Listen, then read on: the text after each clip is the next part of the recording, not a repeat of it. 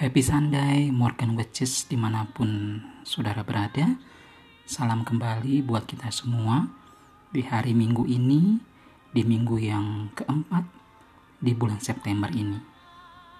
Guys, tidak terasa bahwa ini minggu yang terakhir dan beberapa hari ke depan kita akan memasuki di bulan yang baru di bulan Oktober.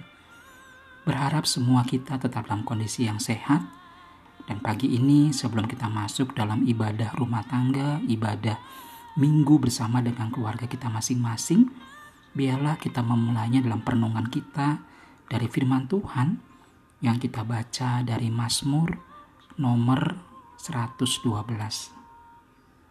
Kita membuka Mazmur 112.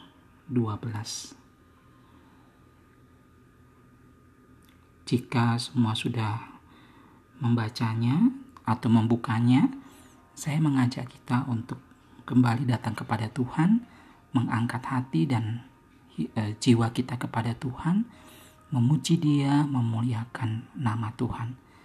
Mari kita bersama-sama mengambil waktu teduh.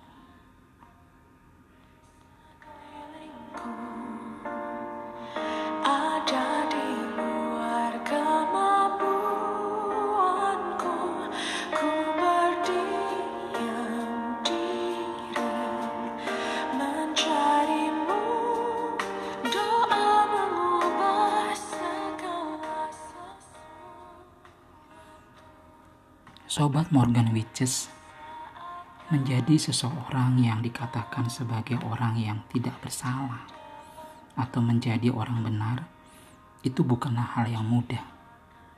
Kerap kali kedagingan kita memberontak bahkan berkata bahwa engkau tidak layak menjadi orang benar karena engkau sudah berkali-kali bersikap tidak taat kepada aturan, kepada firman Tuhan yang selama ini engkau sudah pelajari.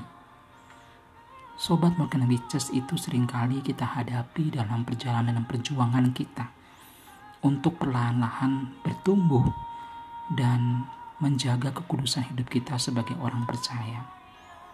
Nah sobatku, tema yang pagi ini saya akan bagikan adalah berbahagialah orang yang benar. Sobat Morgan Witches, kalau kita melihat dalam Mazmur 112 ini, banyak ahli mengkategorikan Mazmur ini sebagai Mazmur kebijaksanaan. Mengapa demikian? Karena Mazmur ini melukiskan kebahagiaan yang dialami oleh orang benar. Dan kebahagiaan itu yang mendorong mereka untuk memuji dan memuliakan nama Tuhan. Yang menarik sobatku adalah dalam Mazmur 12 ini adalah perkataan berbahagialah orang yang takut akan Tuhan dalam ayat yang pertama. Nah sobatku sebenarnya apa arti kata takut akan Tuhan? Pada umumnya seseorang yang memiliki rasa takut sulit untuk berbahagia karena jiwanya tertekan dan tidak tenang. Pertanyaannya adalah apa yang dimaksud dengan berbahagia kalau demikian. Dan bagaimana bisa orang berbahagia di tengah-tengah ketakutan yang dilandanya? Apakah mungkin seseorang diliputi rasa takut dan pada saat yang sama juga bisa dikatakan ia sedang berbahagia? Nah sobatku dalam bagian ini kita boleh melihat lebih dalam bahwa pengertian takut dalam konteks bacaan kita hari ini yaitu lebih kepada perasaan rasa hormat, rasa kagum yang muncul ketika berjumpa dengan pribadi Allah yang hidup. Jadi bukan takut karena melihat sesuatu yang angker atau berada dalam suasana yang angker kemudian bulu badan kita berdiri dan seakan-akan kita mendengar ada suara yang begitu halus berbisik kepada kita memanggil nama kita misalnya. Tidak teman-teman. Kita melihat dalam bagian ini bahwa rasa takut yang dimaksud adalah rasa kagum, rasa hormat yang muncul ketika dia berjumpa dengan Allah yang hidup. Nah sobatku dalam Tuhan kita bisa melihat dalam bagian ini bagaimana pemazmur mengalami sebuah kebahagiaan ketika dia berjumpa dengan Tuhan. Ketika dia mengalami akan perjumpaan dengan Tuhan secara pribadi. Dan itu membuat akhirnya pemazmur merasa bahwa itulah yang menjadi sesuatu yang membahagiakan dia. Nah, setiap orang percaya ingin menikmati berbagai hal yang dijanjikan oleh Tuhan. Namun kita lupa, sering kali kita tidak memperhatikan atau bahkan menyepelekan syarat atau ketentuan yang diminta oleh Tuhan, yaitu takut akan Tuhan. Di sini pemazmur menekankan bahwa takut akan Tuhan adalah prinsip utama dari semua kebijaksanaan dan sumber kebahagiaan yang sejati.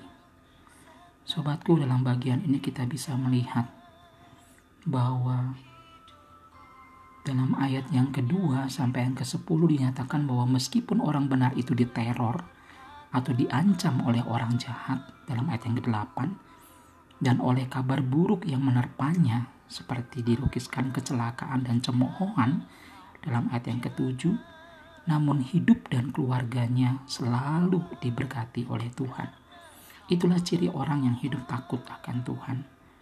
Disebutkan pula bahwa rumah yang benar, rumah orang benar akan dipenuhi dengan harta dan kekayaan yang membuatnya mampu meneruskan perbuatan baik kepada orang miskin. Nah, sobatku, perhatikan ini menarik. Seseorang yang takut akan Tuhan diberkati dengan harta dan kekayaan berlimpah. Tapi ingat, ada satu hal yang digarisbawahi dalam dalam Mazmur ini. Kelimpahan, kekayaan oleh harta bukan membuat seseorang itu makin sombong dan dan makin menjatuhkan orang lain. Tapi dalam bagian ini kekayaan, kehormatan, harta dan sebagainya membawa orang itu untuk meneruskan perbuatan baik ini, menolong orang-orang sesama, secara khusus orang-orang miskin, untuk mereka juga bisa hidup layak seperti orang pada umumnya. Sobatku dalam Tuhan, ketika kita berbicara tentang orang benar, pemazmur melukiskan beberapa ganjaran yang akan diberikan Tuhan kepada orang benar. Namun, apakah kita dapat menyebut diri sebagai orang benar padahal tidak ada seorang pun yang dikatakan benar? Rasul Paulus menjelaskan bahwa orang benar adalah orang yang percaya kepada Tuhan, sehingga berdasarkan imannya itu Allah membenarkannya. Jadi jelas teman-teman orang benar itu bukan kita yang menganggap diri benar, tetapi semata-mata Allah di dalam perkenanan dia. Dia melihat perbuatan kita, dia melihat sikap hidup kita yang sesuai dengan track firman Tuhan. Maka kita dikatakan dibenarkannya di dalam dia.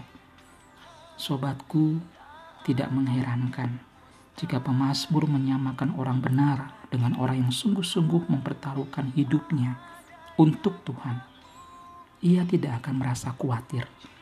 Ia percaya kepada Allah yang mengendalikan semuanya. Mari sobatku dalam Tuhan, mengakhiri bulan September ini kembali. Dan kita akan memasuki bulan yang baru di bulan Oktober. Mari kita mengambil komitmen, mengambil satu janji kepada Tuhan untuk hidup takut akan Tuhan, supaya hidup kita itu berbahagia. Nah, kita juga bisa takut akan Tuhan jika kita juga hidup senantiasa mengalami perjumpaan pribadi dengan Tuhan. Marilah kita berdoa.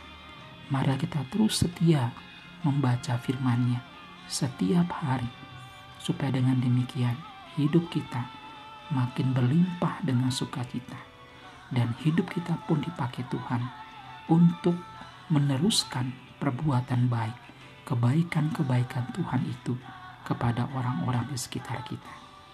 Selamat hari Minggu, selamat menaburkan firman Tuhan ini kepada setiap orang-orang kita jumpai dan kita kasihi. Dan yakinlah, firman Tuhan tidak akan jatuh di tanah yang sia-sia. Ia akan bertumbuh dan dia akan berbuah. Mari kita bersama-sama merayakan hari Minggu ini dengan penuh rasa syukur dan senantiasa jadilah pelaku firman Tuhan yang hidup. Terpujilah nama Tuhan. Haleluya.